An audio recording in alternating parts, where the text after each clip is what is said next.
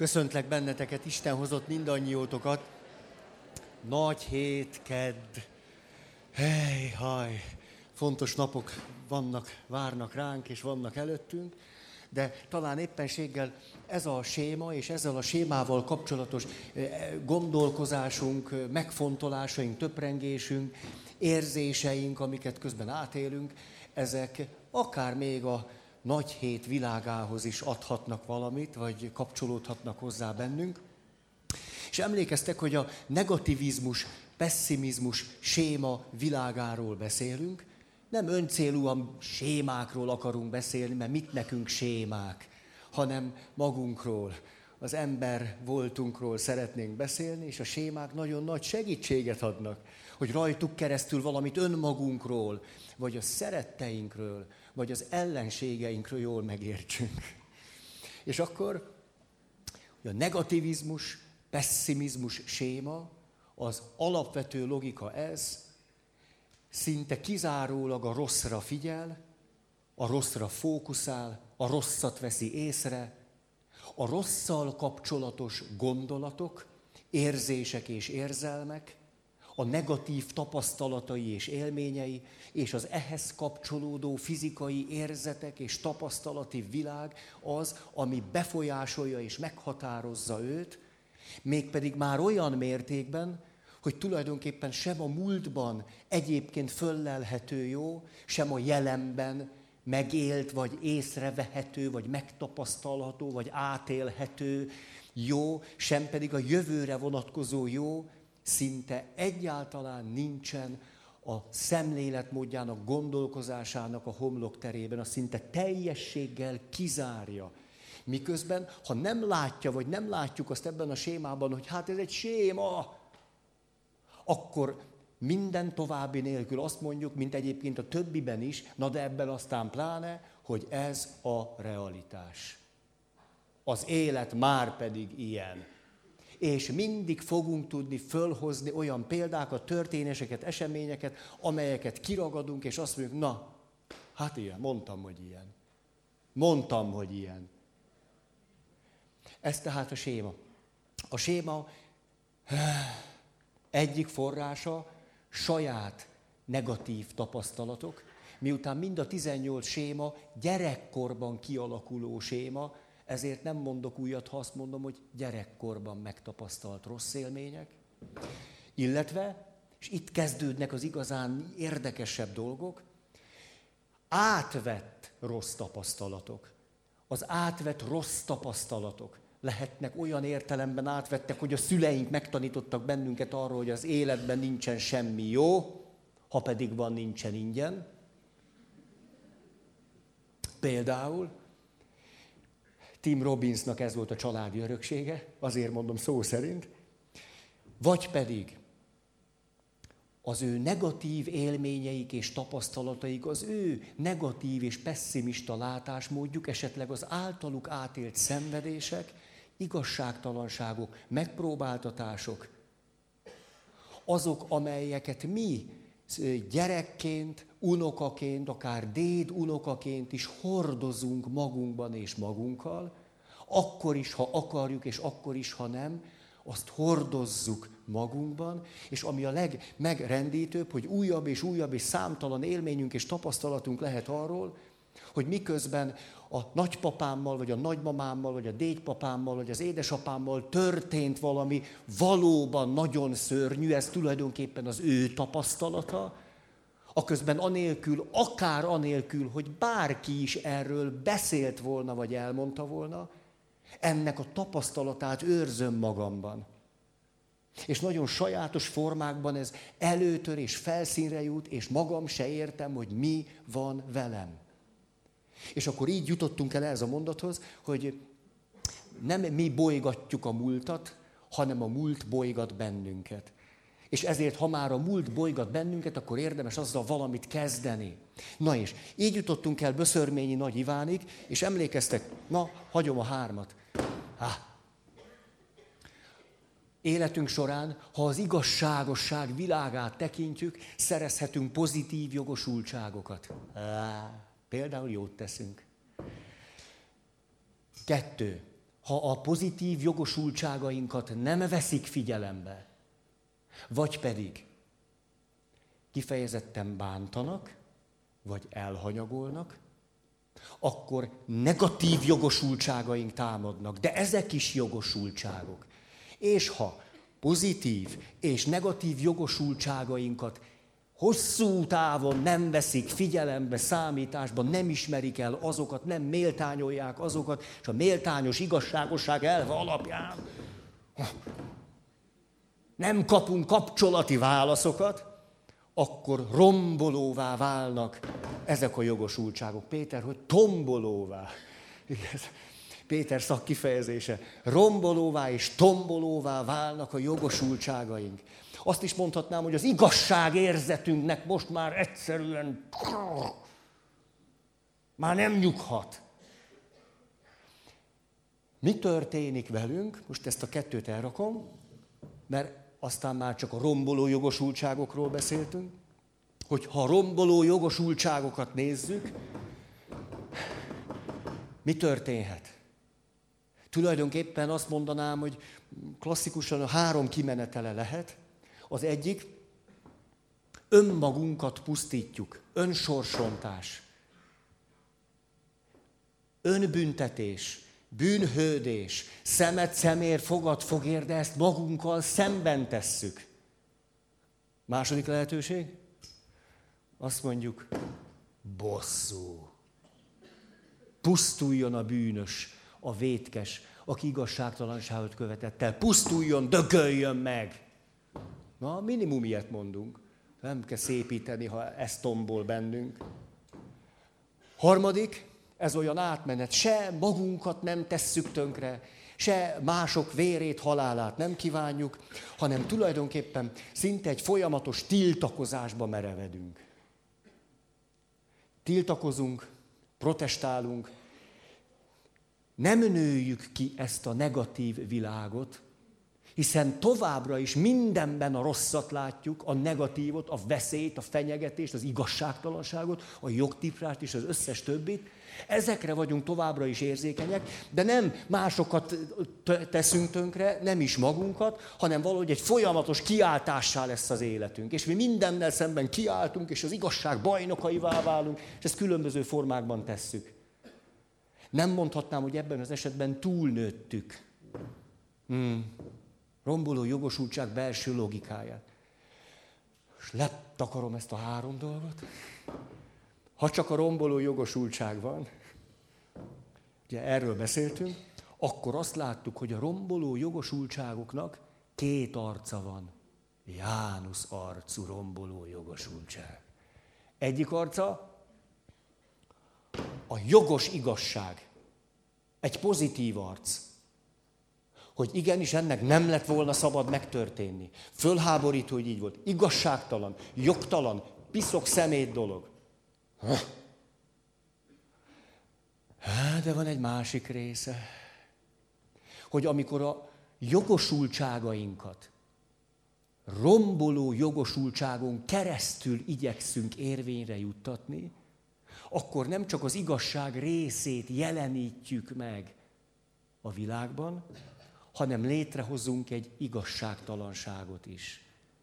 És emlékeztek, erről hoztam nagyon sok példát.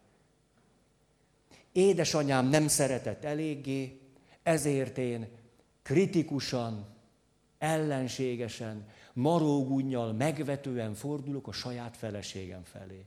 Ugyan már nők, ugyan már szeretet, meg anyaság, ugyan már, ugyan már.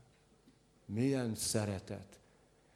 És tulajdonképpen, amit visszafele kellene önmagamban vagy a kapcsolatban elrendezni, azt nem ott rendezem el, hanem tovább viszem, és az anyámmal, vagy itt ebben az esetben a feleségemmel szembeni kritikussággal, megvetéssel, elítéléssel, lenézéssel és a többivel tulajdonképpen egyrészt kifejezem, hogy negatív jogosultságaim támadtak, amelyeket nem tartottak tiszteletben, elhanyagoltak, pedig szükségem lett volna szeretetre, ez a jogos részünk, és van egy jogtalan rész, amit a feleségem minden nap megkap tőlem.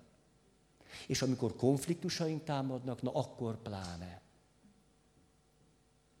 mindez minden további megtör, nélkül megtörténik úgy is, ha megkérdezzünk egy ilyen embert, hogy és milyen volt a gyerekkorod? Azt mondja, ó, na, nagyszerű gyerekkorom volt. Megkérdezhetnénk a feleséget, hogy ő hogy látja. Hogy mit kap tőlünk. És akkor beszéltünk még egyről, csak hogy, és az is minden nehézség nélkül megtörténik, hogy itt az igazságosság rendje alapján azt mondhatjuk, hogy valamit nem kaptunk meg, pedig kellett volna, és mindezt kinek adjuk tovább, ha nem a feleségünknek, nem a férjünknek, nem a mellérendelő viszonyokban bárkinek, hát a következő nemzedéknek. Megkapják a gyerekeink. És sokszor érthetetlen, döbbenetes módon vesszük azt észre, hogy egy szülő, aki egyébként munkatársként, barátként, ismerősként, bárhogy egy normális, jófej valaki, hogyan bánik férfiként a saját fiával. Nőként a saját lányával, nőként a saját fiával. Férfiként a lányával. Egyszerűen nem értjük, hogy ez a viszony hogy állhatott fönn. Hát e, levezethetetlen a gyerekből, de nem levezethetetlen a múltból és teljesen tudatlanul és tudattalanul tulajdonképpen a saját gyerekünkön verjük le, és nála váltjuk be a romboló jogosultságainkat, amelyeket a szüleinknél szereztünk. Ez mondjuk akkor egy családi összefüggés. De nagyobb társadalmi összefüggésekben is beszélhetünk. A mi családunkkal ez és ez történt, akkor átveszük a családi történetet, hogy kik csinálták velünk ezt, majd pedig a jelenben megkeressük az utódaikat. Két, három, négy nemzedékkel később. És ő rajtuk töltjük ki a haragunkat, és náluk váltjuk be a romboló jogosultságainkat. A, olyan decemberben Beszélgettem pár percet Törőcsik Marival. Meséltem ezt nektek? De, meséltem, meséltem, meséltem. Nem, a beszélgetés nem.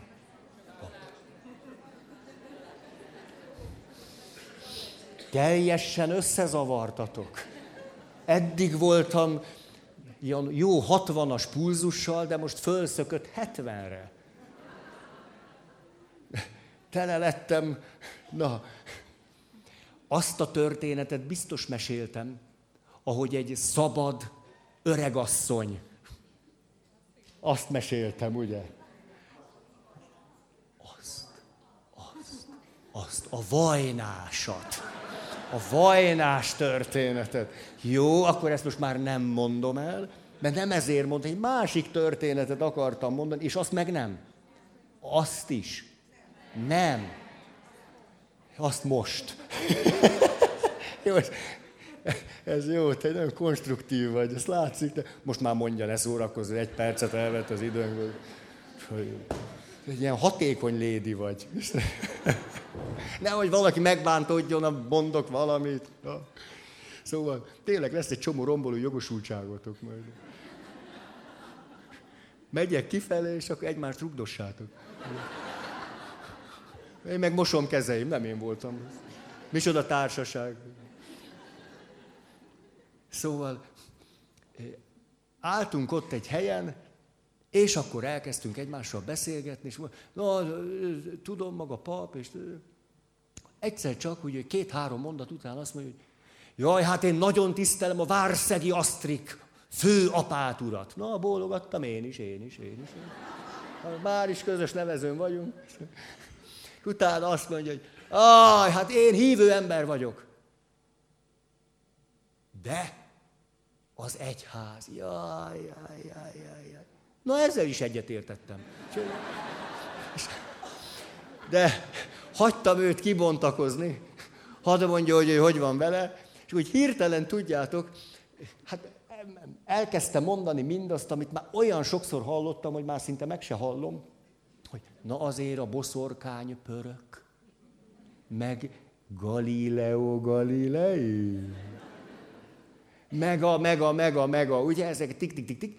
És akkor beszélt két percig erről, és így hirtelen rám néz, mint aki fölébred, és azt mondja, tehát ezt most magának mondom, hát ott se volt.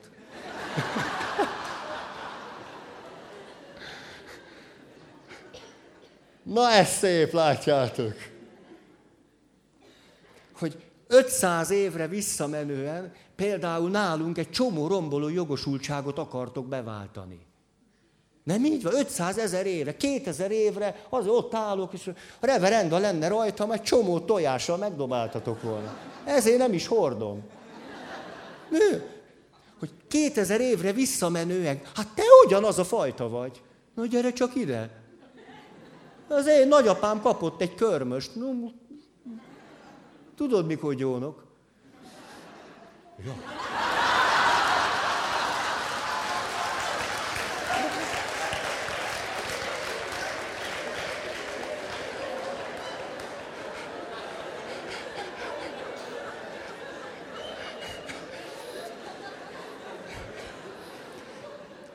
Ezt a jelenséget nem tulajdonítom direkt a Szentléleknek. Olybá veszem, hogy a kreatív munkatársak tréfát űznek velünk.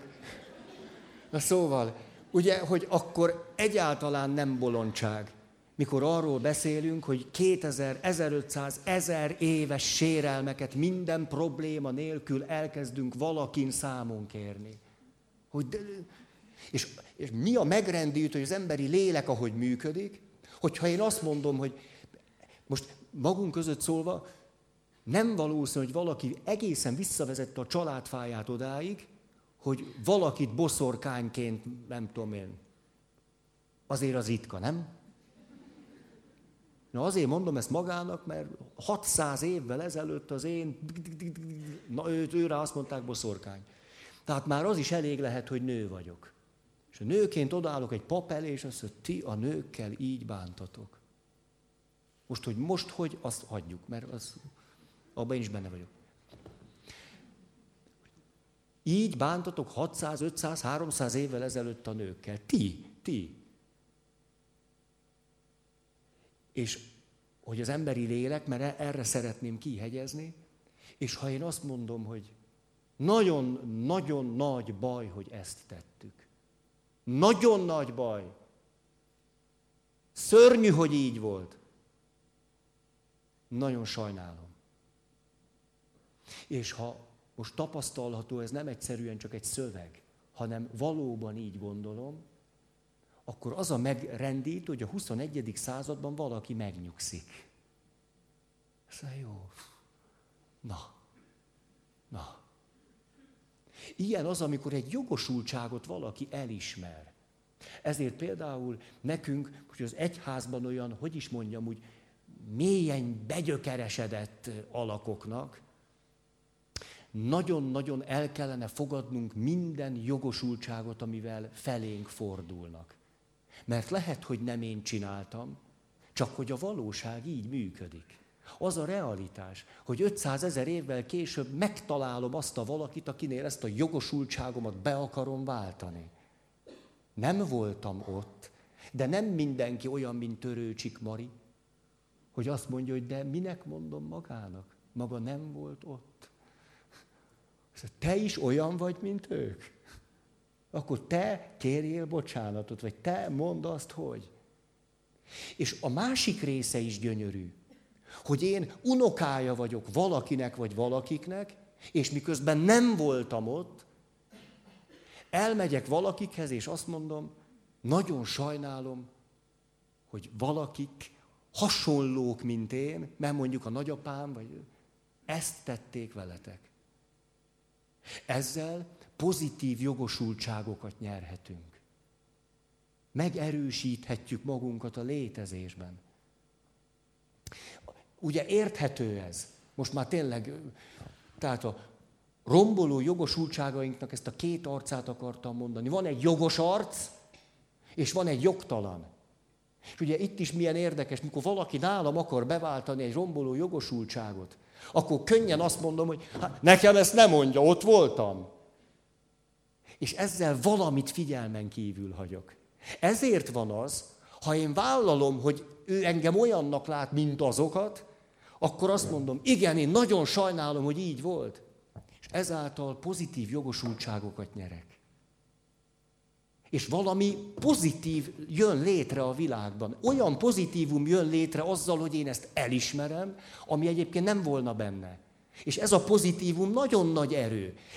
Érezhető, hogy itt egy realitás ez? Hogy mit jelent, hogy pozitív jogosultságot nyerni? Itt egy valóságosan pozitív realitás jön létre.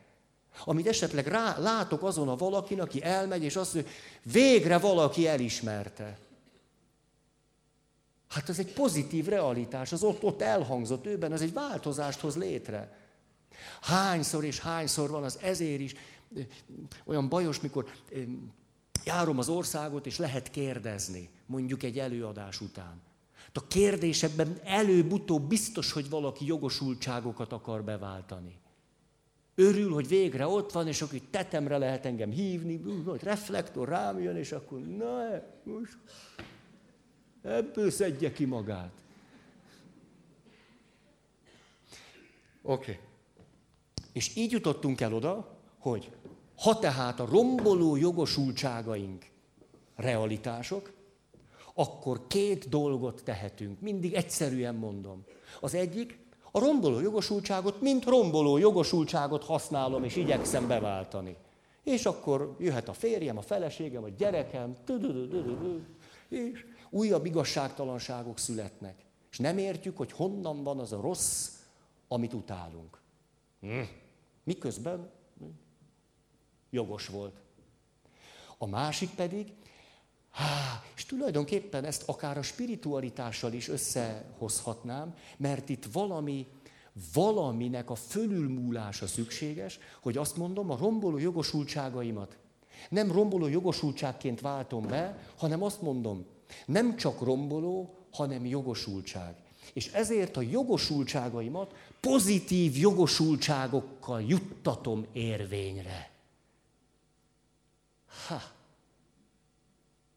Mert az emberi lélek nem csak úgy tud működni, hogy ezt csináltad velem, puf neked. És akkor azt kvittek vagyunk. Ugye én is kaptam, én is adtam. Ennyi volt az élet. Hanem azt is megtehetem. Igen, van bennem egy csomó sérelem és fájdalom és igazságtalanságok történtek velem. Sokan úgy néznek rám, hogy a Szentírás jut eszembe, nyilván nagy hét, hogy micsoda hogy döbbenetes irodalmi, hát drámaisága van annak, ahogyan Jézusról beszélnek, akár az elő történetében, hogy, hogy tébdesték az arcom, hogy, hogy semminek vettek, senkinek, az utolsónak. És amikor valakinek vannak romboló jogosultságai, azt mondhatom, hogy én most mégis meg fogom szilárdítani magamat a létezésben, abban az értékességben, amit mások valamilyen oknál fogva nem vettek figyelembe. Vagy nem adtak meg nekem valamit, amit kellett volna, vagy bántottak, vagy bármi negatív dolgot tettek velem. Ezzel megkérdőjeleztek engem. Azt, hogy értékes vagyok, hogy jó vagyok, hogy az értékességem okán megvan az emberi méltóságom, és az értékességem a létezéshez kapcsolódik. Ezt vonták kétségbe. És amikor én nem romboló módon szerzem vissza jogosultságok révén a tartásomat, hanem pozitív jogosultságok szerzése által, akkor megerősítem magam a létezésben, és kihúzott gerincel élhetek. És ez ugyanúgy realitás, az emberi lélek erre is képes. Ezt nagyszerűnek tartom. Nagyszerűnek. És ha most ebben az összefüggésben nézzük, Hát, ha van valaki, aki ezt így csinálta, nyilván a mester az. Most Jézusra gondolok. És hogy milyen nehezen megy emberek fejébe az, az Ószövetség mit gondolt? Az Ószövetség azt mondta, és akkor ide ülök, az Ószövetség világa így szól. Hát mi azért pár ezer éven keresztül gyűjtöttünk némi romboló jogosultságot. Hogy ezek, meg ezek, meg ezek, ezt, meg ezt, meg ezt, meg ezt tették. A rosszak a rosszak a rosszak. A mások a mások a mások. És akkor az elképzelés az eljövendő messiásról, hogy majd jön, kezébe kard, isteni erővel, és az összes romboló jogosultságnak érvényt szerez. Mindent be fog váltani. Az összes rosszat le fogja kaszabolni. És így gondolták, hogy az igazságosság rendje a Földön helyre fog állni. Az igazak végül győznek a rosszak fölött, úgy, hogy a rosszakat egy szálig. És Jézus azt mondta, nem, nem csak így lehet az igazságosság rendjét helyreállítani. Mert úgy is lehet, hogy következetesen pozitív jogosultságokat szerzünk. És akkor milyen döbbenetes, mondjuk a Szentírást ez így fejezi ki, elnézést, ha valakit sért ez az összekapcsolás, vagy párhuzambeállítás, hogy mindez Isten dicsőségére fog szolgálni. Hogy Jézusnál olyan sok pozitív jogosultság van, amit úgy nevezhetnénk, hogy az Isten dicsősége. Na hát ez igen. Hát szóval ezelőtt meghajtom a fejem hogy itt akkor letérdelek, vagy azt mondom, hely, hát ha te ilyen Isten vagy, na, te szolgált szívesen leszek. Nem történik a romboló jogosultság beváltása, hanem pozitív jogosultságok révén Isten megerősíti magát a létezésben. És azt mondja, ezért vagyok én Isten, mert így tudok szeretni. Ha kevésbé szeretnék, mint ti, biztos nem lennék Isten. És amikor Isten megmutatja, hogy hogy tud ő szeretni, na, azt mondjuk Isten dicsősége. Viszont most a nadrágom kezd lecsúszni.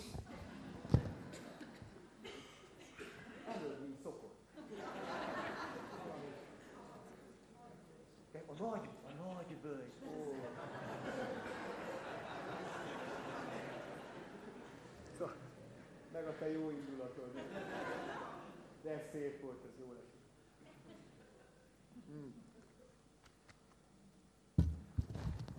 És akkor elraktuk a romboló jogosultságok világát, és azt néztük meg, milyen lehetőségeink vannak a pozitív jogosultságok szerzésére. És itt az az izgalmas, hogy abban az összefüggésben beszélünk most a pozitív jogosultságokról, hogy nem vagyunk egy tiszta lap, egy fehér lap, hanem a romboló jogosultságok beváltása helyett is tehetjük ezt. Ez a gyönyörűséges. És akkor egy gyors ismétlés. Bizalomra megbízható magatartás. Megbízhatatlanság esetén hitelesség, őszinteség, másokat ért kár elismerése, beismerése, jóvátétel adása romboló és negatív jogosultságok elismerése a családban, a házastárs esetén különösen is.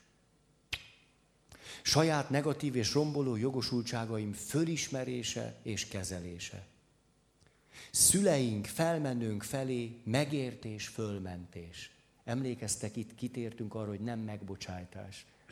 Rájövök, hogy az anyám nem tudott többet adni nálam negatív jogosultságok támadtak, mert nem szeretett, ahogyan szükségem lett volna rá. De nem is tudott volna, mert ismerem a nagymamámat is. Hmm. Ezért őt fölmentem. Következő. Általunk okozott károkért felelősséget vállalunk.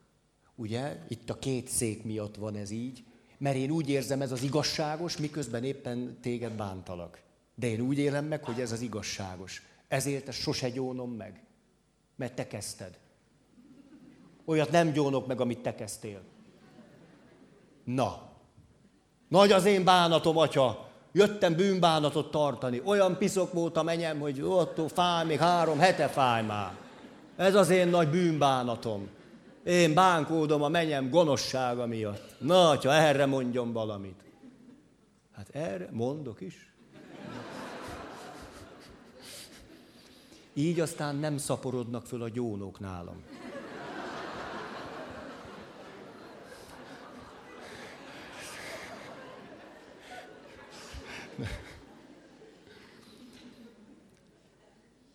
Kell a jó szó a nemzedékeknek. Azt mondja, okozott kár, ja igen, ezt mondtam, igen. Szülőként nem a gyerekeinktől várjuk, amit gyerekként nem kaptunk meg a szüleinktől.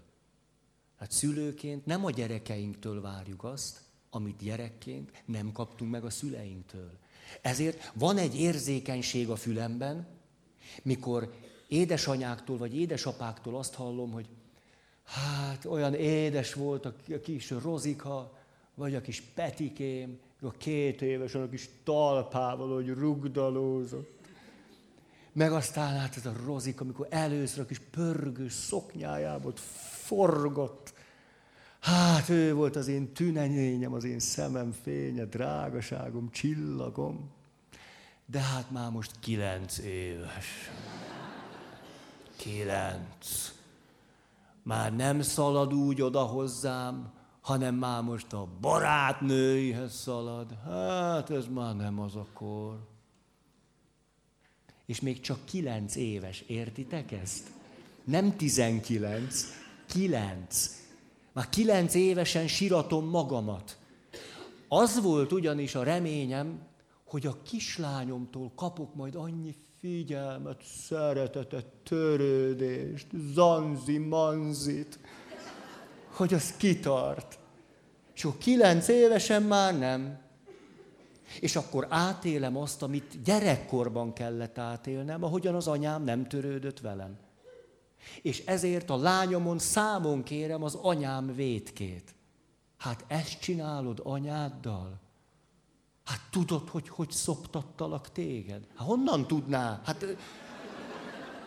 hát kicsi volt, nem emlékszik rá. Köszönte szépen, jól lakott. Hát az én dolgom volt az, hogy én mennyi mindent kiálltam. Hát azért vagy anya. Vagyis, amikor mindezt megtetted, pozitív jogosultságokat szereztél. De a pozitív jogosultságok nem arra szolgálnak, hogy azokkal zsaroljál engem. Nem arra vannak. Mert abban a pillanatban, ahogyan ezt valaki zsarolásnak használja, hát jobban szereted a te piszkos körmi barátnőidet, mint az anyád. A lánynál már is megjelentek a negatív jogosultságok. Elkezdtük őt kihasználni és kizsákmányolni a saját érdekünkben. Csak hogy anyaként, miután hozok egy csomó sérelmet, ezek a sérelmek már rombolóvá váltak nálam, én ebből semmit nem érzek. Így működik. Én nem élek meg belőle semmit. Én a pozitív részénél ülök, és azt mondom, hát, hát kitől kapjak szeretetet, ha nem a gyerekemtől? Hát az anyámtól már megtapasztaltam, milyen nem, hogy nem szeret valaki. Hát azt gondoltam, legalább akkor a gyerekem. Mert ha az anyám nem is szeretett, majd szeret a lányom, és én akkor nullán vagyok. Hát a pozitív székben ez a logika működik. Hát valaki kellene, hogy szeressen engem. Hát ha az anyám nem, akkor biztos a lányom. És arra is hivatkozhatok, hát mennyi mindent tettem érte. Hát akkor vissza kéne adnia. Hát ez lenne akkor a minimum. És ha így járok el, a lányomnál egy csomó romboló jogosultság fel fog halmozódni.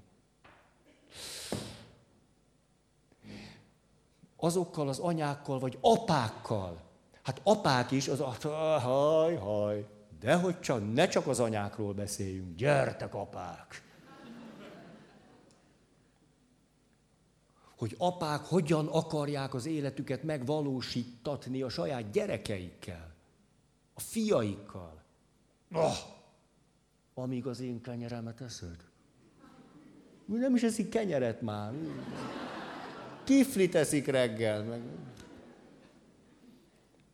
Tehát látjátok, milyen faramuci, hogy a romboló jogosultságnak minden további nélkül a pozitív igazság részében vagyok, és semmit nem látok abból, ami ebből következik a lányom vagy a fiam felé. Semmit nem látok. Helyhaj. A, jó, menjünk tovább, ezek mind el fognak hangozni. Nézem az időt. Ó, oh, gyerünk. Következő.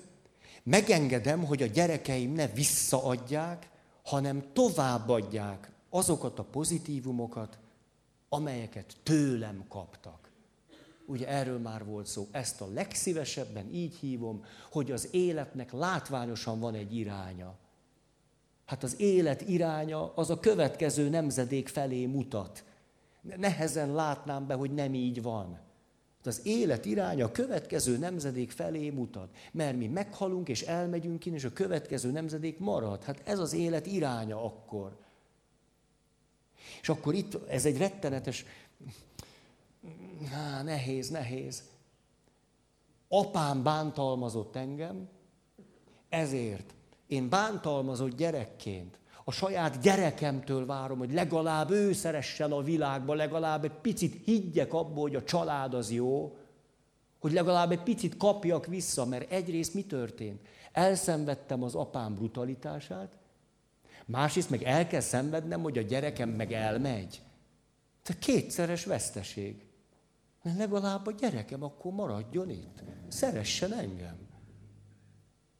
Ezért a gyerekemet akarva akaratlanul ráveszem, hogy mindent, amit adtam neki, adja nekem vissza. De mi lesz az ő gyerekeivel? Az ő gyerekeivel meg fog történni az, ami velem megtörtént. Lehet, hogy nem bántalmazás formájában, hanem elhanyagolás formájában. Mert a gyerekem meg a, az én gyerekemnek azt mondja, aki az ő apja, hogy apa, apa, ne menj el most a, a nagyiékhoz, hanem, hanem most húsvétkor mi menjünk el, nem tudom. Másoknál mindig van olyan, hogy, hogy elrejtenek mindenféle tojásokat, meg lehet keresni. És nálunk meg sosincs ilyen. És akkor apa azt igen, mert az én anyám még mindig rejt nekem tojást, és én nekem oda kell mennem. Keresem a tojásaim. És tehát felnőttként már ne a saját tojásodat keresd, ezt, le, ezt lehetne mondani, hanem segíts a gyereket tojásait megtalálni. Rátaláljon a saját tojásaira. Hú, ezt lehetne mondani, úgy összefoglalva, a mai nap mottója. Látjátok, nem kell ezt annyira bonyolítani. Következő. Ez érdekes lehet nektek. Engedjük meg, hogy mások hozzájáruljanak a saját életünkhöz. Hogy azáltal pozitív jogosultságokat szerezhetek, hogy másoknak megengedem, hogy velem egy kölcsönös, igazságos, méltányos viszonyban lehessenek. Hogy nem kezdek fölvenni egy áldozat szerepet. Nem, ingyen, én minden csak szeretetből, Ezzel tulajdonképpen nem tartom tiszteletbe a te méltóságodat, a, a cselekvőképességedet, a rátermettségedet, az alkalmasságodat, hogy valamit hozzátegyél ahhoz, ami kettőnk között van. Hogy itt ne egy egyoldalú viszony jöjjön létre, hanem egy kölcsönösség. Mikor megengedem valakinek azt, hogy ott kölcsönösség legyen, az egy érdem. Érdem. Há. Bizonyos szempontból a gyerek világban tarthatok egy felnőttet akkor, ha azt mondom, majd én megcsinálom helyetted. Majd én megcsinálom neked. Majd én megcsinálom érted. Nem ismerem el, hogy felnőtt. Nem segítem azt, hogy ő felnőttként lehessen velem egy kapcsolatban, felnőtt a felnőttel. Ezért tudom, milyen, például milyen nehéz, mikor valaki valamilyen lelki nehézséggel van, és akkor jön nem ő, hanem a férje, a felesége, gyereke, anyukája, apukája, keresztanyja, vagy bárki, hogy mentsük őt meg. Na ez nagyon nehéz. Általában a következőt szoktam mondani, nagyon szívesen látom, hogy pár percben minimum megbeszéljük, hogy mit lehetne tenni, jöjjön el. És azt gondolom, amikor valaki eljön, hogy segítséget kérjen, hozzájárult a saját életéhez, és kifejezte azt, hogy felnőtt. És ezt én nagyra értékelem. Mikor valaki eljön, és ő maga azt mondja, hogy szeretnék segítséget kérni. Ez egy nagyon értékes dolog. Nagyon. Sokak nagyon megharagudtak már rám, hogy nem vettem föl a, nem tudom mit, a, a papi cipőmet, nincs ilyen, de mondjuk, és nem mentem el valakit megmenteni. Nem megyek el valakit megmenteni, ha el tudna hozzám jönni. Nem megyek el. És ez lehet, hogy kíméletlenül hangzik. Nagyon szívesen látom, eljöhet. És ezzel hozzájárult a saját életéhez, és azt én meg fogom becsülni. Hmm. Következő.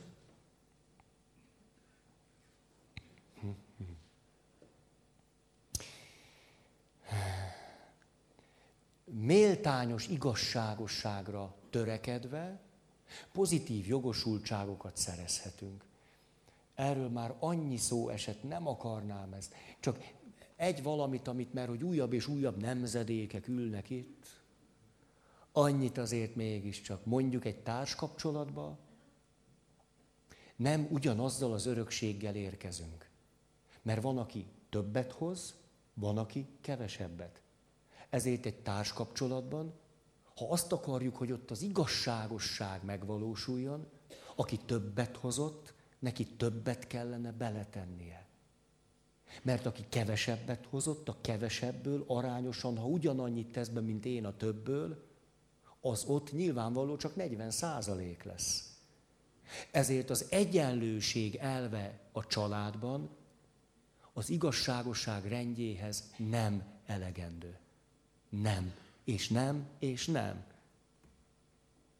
Például, ha van két gyerek, és az egyik jobb képességekkel van, és a másik rosszabbakkal, akkor többet foglalkozom azzal, akinek nehezebb az öröksége, nem tudni, hogy miért, mert ő jogosult erre. És kevesebbet azzal, akinek jobb képességei vannak. Ez nem egyenlőség, hanem méltányosság. Nagyon tudom, például az én édesanyám is, miután iker gyerekek vagyunk, ezért mindent 50-50 százalékban akart. De én ezt nem igényeltem néha. Néha azt gondoltam, nem kell nekem 50 százalék. És az édesanyám ezt egyszerűen nem értette meg. Nem volt szükségem 50 százalékra. Néha meg szükségem lett volna 80-ra. És ezért milyen problémás, mikor valaki azt mondja 50, se több, se kevesebb. Tegnap voltam hentesnél. Tényleg. Nem húst vettem. Van ott, jó, hentesnél van rántott sajt. Meg húszszag. De akkor az... Eltekintek a szaktól. És egyébként kólát vettem, de van azért élményünk, nem, hogy rácsapja a mérlegre, zsírpapírra. Húsz dekát kért.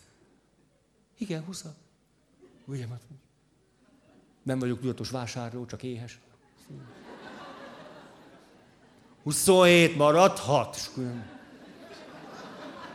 És a kezébe forog a kés. Erre rakjon még rá egy kicsit. Szóval az milyen szép, mikor nem, nem az egyenlőségnek a mániája van bennünk. Szükségletek, szükségletek, méltányosság. Az egyenlőség egy olyan, hogy mondjam, nagyon durva kiinduló pont. Ha nincs jobb, akkor... Okay. Következő. A gyerekeink másik szülőhöz, testvérhez, nagyszülőhöz való lojalitását elfogadjuk és támogatjuk. Ezzel pozitív jogosultságokat szerzünk. Főleg akkor, hogyha elváltunk. És a lányom vagy a fiam, aki 10 éves, vagy 20 vagy 30, nem azt hallja minden alkalommal, amikor nálam ebédel vasárnap, még mindig jársz apádhoz? Ahhoz a gazemberhez, aki elhagyott minket? Téged is elhagyott, nem tudom, miért jársz hozzá. Elismerni a gyerekeink valódi kötelékét, meg másíthatatlan összetartozását szülőkhöz, nagyszülőkhöz. Milyen problémás, amikor például egy anyós konfliktus odáig nem mondanám, hogy eszkalálódik, mert az nem magyar kifejezés. Odáig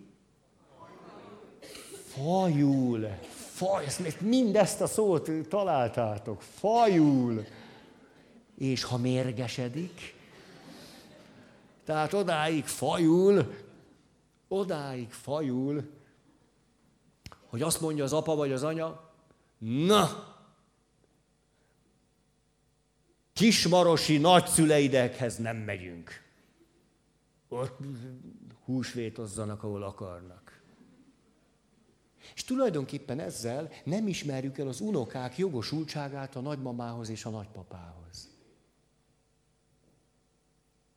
De nagy dolog nagyszülőként nem kihasználni ezt a helyzetet. Olyan nagymamának és nagypapának lenni, hogy a gyerekeknek könnyebb legyen az unokák jogosultságát elismerni. Mert természetesen a nagyszülői szerepet is jól ki lehet használni. Ki le? Szóljatok, ha rám vonatkozik. Nehogy valamiből kimaradjak.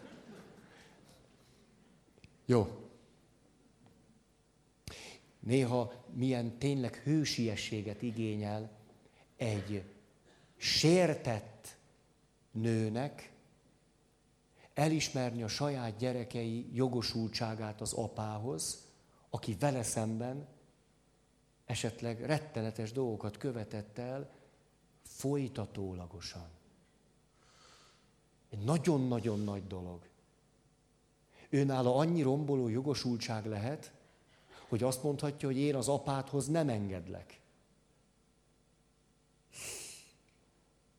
És ki jönni abból, hogy a romboló jogosultság székéből oldjam meg ezt a helyzetet. És természetesen megteremteni annak a föltételét, hogy a gyerekemet ne lehessen bántani, de közben elismerni a jogosultságát az apjához. Így nagyon sok pozitív jogosultságot lehet szerezni. Nagy emberi teljesítmény. Következő. Igen. Bosszú általi igazságosságról lemondani. Hm, ezt már nem is ragozom. Következő. Mások bizalmával nem visszaélni, hanem azt megbecsülni. Böszörményi Nagy Iván mond egy olyan szépet, amit 26-7 évesen hallottam először, tehát több mint 20 éve. Akkor ezt először hallottam, én lenyűgözve néztem, és azt a de érdekes. Azt mondja, mikor egy pici baba megszületik, itt van a baba, és puha, most ide ülök elnézést, vonatkoztassatok el, mikor egy pici baba megszületik, akkor nem csak úgy lép be a világba, hogy ő semmit sem ad, és mindent a szüleitől vár, hanem a szüleinek föl kellene fedeznie két dolgot. Az egyik, hogy egy pici baba a létezésével a szülőket megajándékozta a szülők valamit kapnak pusztán azáltal, hogy a gyerek megérkezett abba a családba. Nem arról van szó, hogy a gyerek egyszerűen csak eszik, iszik, meg ránk van szorulva, és minden nekünk kell tenni, miközben ő nem csinál semmit. Éppenséggel létezik. A létezését egész biztosan csinálja. És ezzel nagyon sokat ad nekünk. A létezésével ad nekünk. Hát nehéz kétségbe vonni azt, hogy valaki a létezésével hozzájárul az életünkhöz pusztán azáltal, hogy van. Hát az életünk keresztül kasul van olyan személyekkel, akik pusztán azáltal adtak nekünk valamit, hogy vannak. A létezésével adott nekünk valamit. Ezért a szülő azt mondhatja, tulajdonképpen itt sincs szó arról, hogy én egyoldalúan adok egy pici csecsemőnek, hiszen ő a létezését adja nekem. Ez nem kevés dolog. Ah, és még hasonlít is, az apára. Mindig tegyük hozzá. Az anya biztos, az apa. Hm, hm, hm. Ismeritek a kutatást, ha már ezt mondtad, ismeritek? Hogy arra voltak kíváncsiak, azt nézték a kórházban, ahol szültek az asszonyok, tehát nem csak ott lehet szülni, de a kutatás könnyebb volt, azt nézték, hogy a rokonság, a barátok, az ismerősök, mikor megérkeznek, hány százalékban mondják azt, hogy tiszta apja, hány százalékban mondják azt, hogy tiszta anyja. kiderült, hogy több mint 90 százalékban azt hangzik el, hogy tiszta apja.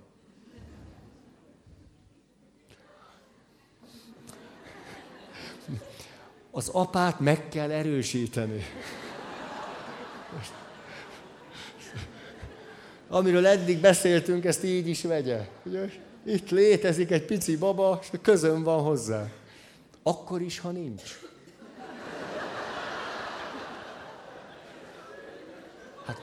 akkor is meg kell erősíteni. Hát oda született, most ott van. Hát, na ne. Tehát amit a pici baba ad, nem, most az, azt a statisztikákat meg nem mondom el, hogy, hogy körülbelül hány százalékot mondanak, hogy megszületik egy baba a családba, és nem az apa az, aki ott él.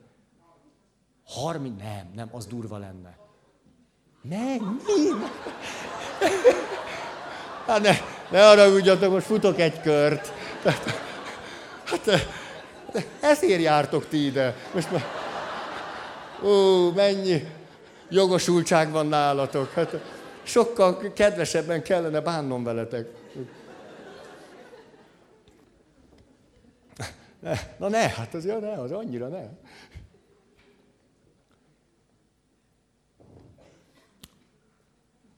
Nem, ezt nem mondom el. Azt, nem, nézzetek utána. Ah.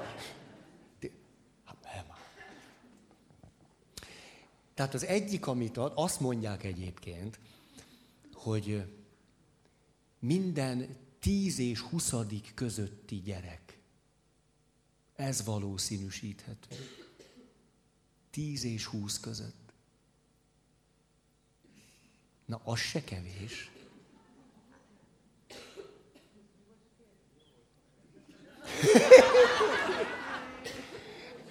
Mi volt a kérdés? Mutatom. Itt van egy férfi és egy nő.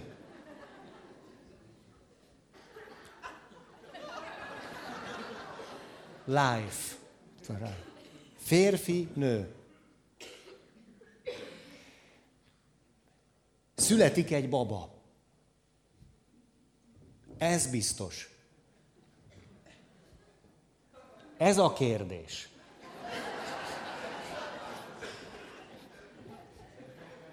És erre azt a becslést olvastam, hogy minden 10, 11, 11, 12, 20 szadik gyerek valószínű, hogy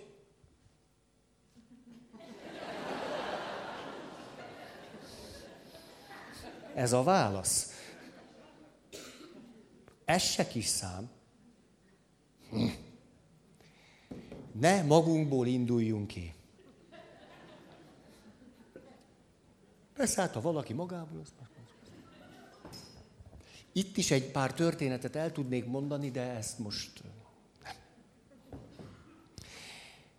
Tehát az egyik, hogy a pici baba, hát, a létezésével nagyon sokat ad a szüleinek. Második, a pici baba nem csak a létezésével ajándékozza meg a szüleit, hanem Azzal, hogy bizalmat ad a szüleinek. Hogy bízik bennük, nem is akárhogy. Úgy bízik egy pici baba a szüleiben, ahogy felnőttek már nem tudnak, és nem is kell, hogy bízzanak. Egy pici baba olyan döbbenetesen ráhagyatkozva, kiszolgáltatva önmagát, teljességgel megnyitva, mindent befogadva és elviselve, bízik a szüleiben, hogy az nem, hogy nem kevés, hanem valami lenyűgözően rengeteg és sok. És erre mondta Böszörményi Nagy Iván, hogy attól is megrendülhetünk, hogy nem egyszer, a pusztán a baba létezése és érkezése és az a bizalom, amit ő a szülei felé mutat. Nem azt, hogy bízok benned, anyám. Az a ráhagyatkozás, ami a létezéséből fakad. Hogy az hogyan tudja kiváltani a szülőkből a megbízható szülői magatartást. Hát ha ekkora változást idéz elő valaki, aki látszólag semmit se csinál, elég gyanús, hogy egy pici babáról azt mondjuk, hogy semmit sem csinál, csak jön a családba, hogy kapjon. Aha, és a szülők meg teljesen megváltoznak. És egy férfi, aki nem tudom, minden kedden sörözött, minden szerdán florbólozott, minden csütörtökön sörözött, minden pénteken bulizott, minden szombaton meg sörözött, egyszer csak megy haza és fürdet. Ha. Nem mondhatjuk, hogy nem ad semmit. Nekünk kell mindent adni. Hi. Tehát egy pici baba a puszta létezésével és azzal a bizalommal, amit ad a szülőknek, nagyon sokat ad. És tulajdonképpen a szülők azt is mondhatnánk, hogy erre válaszolnak. És ezt nevezzük felelősségnek. Tehát szülőként felelek a gyerek létezésére és arra a bizalomra, amivel hozzám érkezik. Most, ha valaki megállít minket az utcán, kiszolgáltatottan bajban, és bennünk bízva, és azt mondja, hogy segíts, kérlek, akkor nem mondhatom, hogy nem történt semmi hogy ez itt semmi. Hát akkor rengeteget kapok tőle. Engem vesz észre, engem lát, tőlem kér segítséget. Ad nekem valamit. Nem csak arról van szó, hogy nekem kell adnom valamit, és miért pont engem talált, mert nem jó, öt perce később övök, akkor...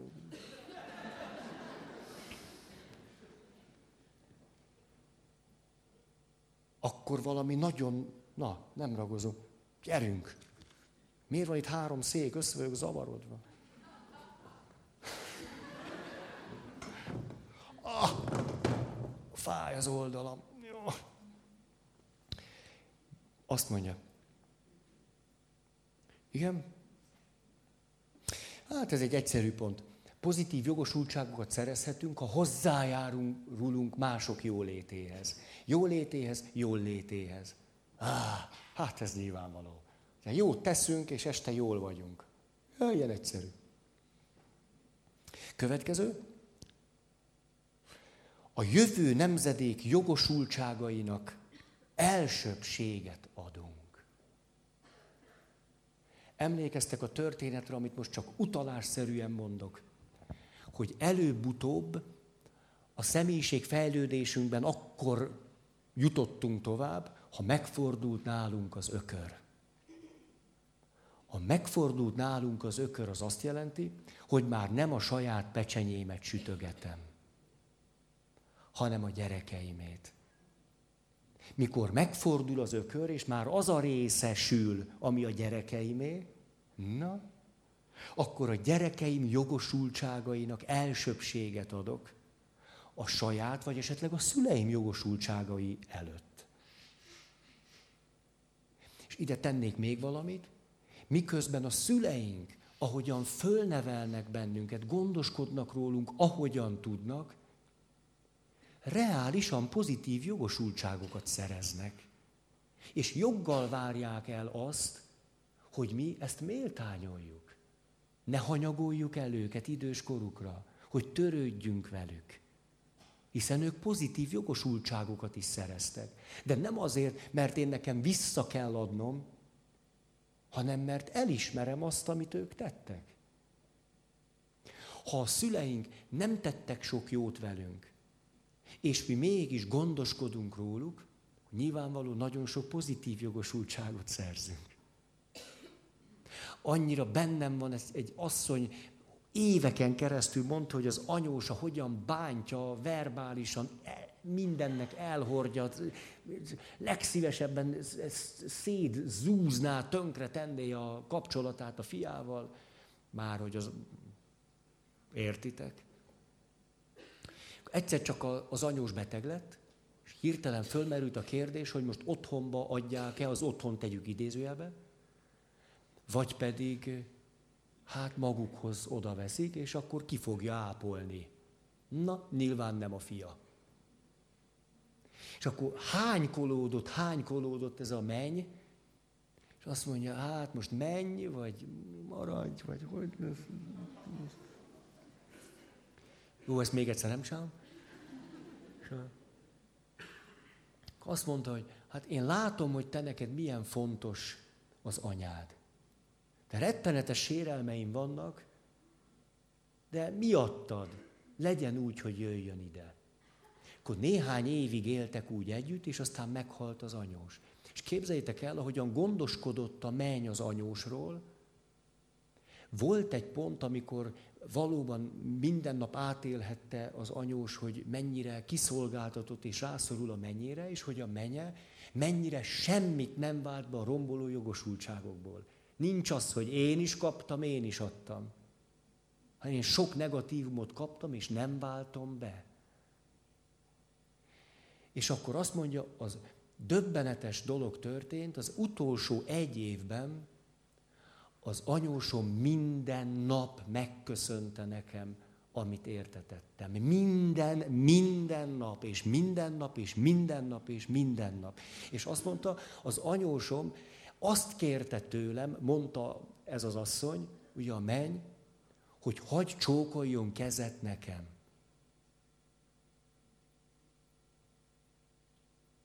Ez is milyen gyönyörű. És emlékeztek, most erről beszéltem, hogy, hogy engedhetjük hozzájárulni az életünkhöz azokat, akikkel kapcsolatunk van. És képzeljük el, hogy ez az anyós azt mondja, én, én nem tudom visszafizetni.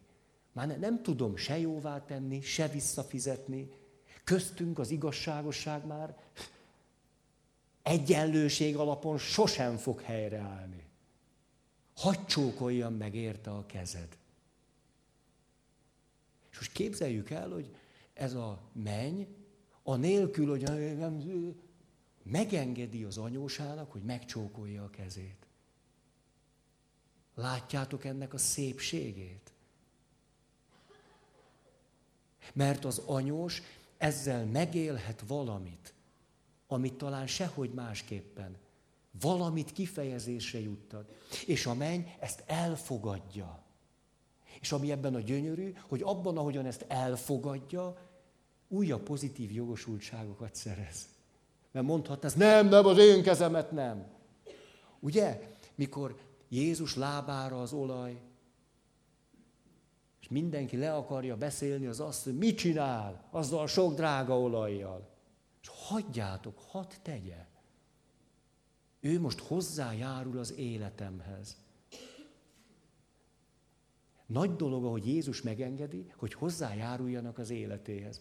Annál nagyobb, hogy olvassuk az evangéliumban egyetlen sor, és akkor Jézus ment a különböző városokba és falvakba tanított, és az asszonyok tartották őt el. És képzeljünk el 2000 évvel ezelőtt egy ilyen férfi világ, ahol Jézust asszonyok tartják el a pénzükből.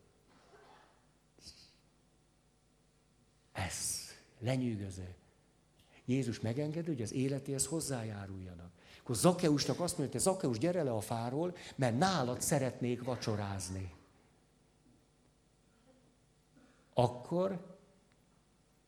Megengedi Zakeusnak, hogy tegyen vele valami jót. És ez nagyon nagy dolog, hogy megengedem, hogy jót tehess velem. Furcsán hangzik, de hogy így van.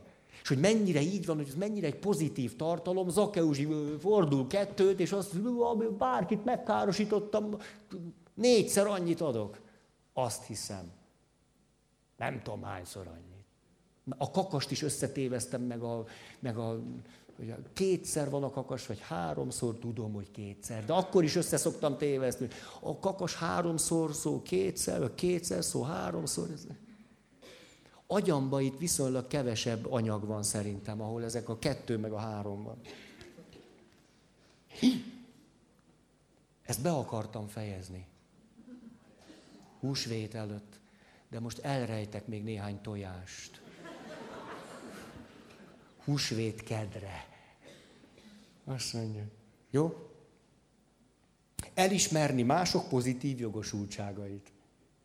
És nagyon köszönöm, hogy te ezt megtetted. Hálás vagyok érte. Milyen egyszerűnek tűnik, hogy megköszönöm. Hogy megköszönöm, és azzal rendben is van. De annyit teszek. Jó? Következő. Ha. Igen, ez is szép, hogy azzal is jogosultságokat szerezhetek, hogyha bizalmat adok másoknak. Mert lehetnék bizalmatlan is. Esetleg éppen a romboló jogosultságaim okán. És nyilván észszel, tanulva a bizalomból, bizalmatlanságból, az emberek megbízhatatlanságából, mégis az emberi kapcsolatokhoz tartozó bizalmat adok és adok. Nem eszetlenül, nem, nem tudom mit kockáztatva, csak bizalomban persze mindig van kockázat. Mindig. Lehetetlen, hogy ne legyen. És amikor valaki önmagát földobja, á, hogy a bizalom révén, hogy na, hát azzal jogosultságokat szerez. Hm. Bízni értékes dolog. Utolsó pont. Aha. Elérhető szülői célokat támasztani a gyerekeink felé. Ha annyit várok el a gyerekeimtől, ami reális, számukra elérhető, és nem zsákmányolni ki a gyerekeim. Ez azért egy nagyon pozitív dolog, mert a késztetés bennünk van. A mi kultúránk a 21. században is nagyon arra a logikára épül, hogy a gyerekek álljanak rendelkezésre a szüleiknek. Ha-ha. Ez még ma is nagyon jellemző ránk. Ezért nem kihasználni vagy kizsákmányolni a gyerekeinket visszaélni mindazzal, ami az ő létezésükből és bizalmukból fakad. Hű, ez nagyon nagy emberi teljesítmény. És ide tennék egy záró dolgot, ebbe értsük bele azt is, hogy nem a gyerekeimmel, vagy a gyerekeimen keresztül akarok valamit megvalósítani, ami az én életemből kimaradt. Ez nagyon nagy dolog.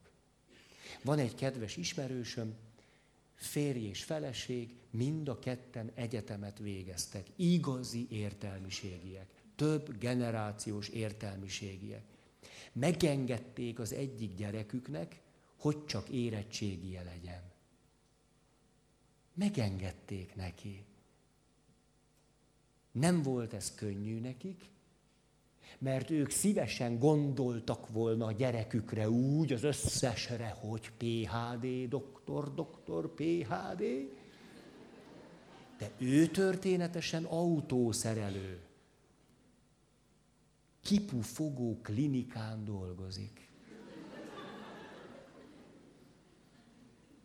Ez nagyon nagy dolog. Megengedni a gyerekeimnek, hogy bennük ne én akarjak megvalósulni. Hogy hagy valósuljanak meg a saját életükben ők maguk. Óriási teljesítmény. Tisztelet apukámnak, aki azt mondta, fiam, ne legyél pilóta. És tessék, nem is lettem. Köszönöm a figyelmet.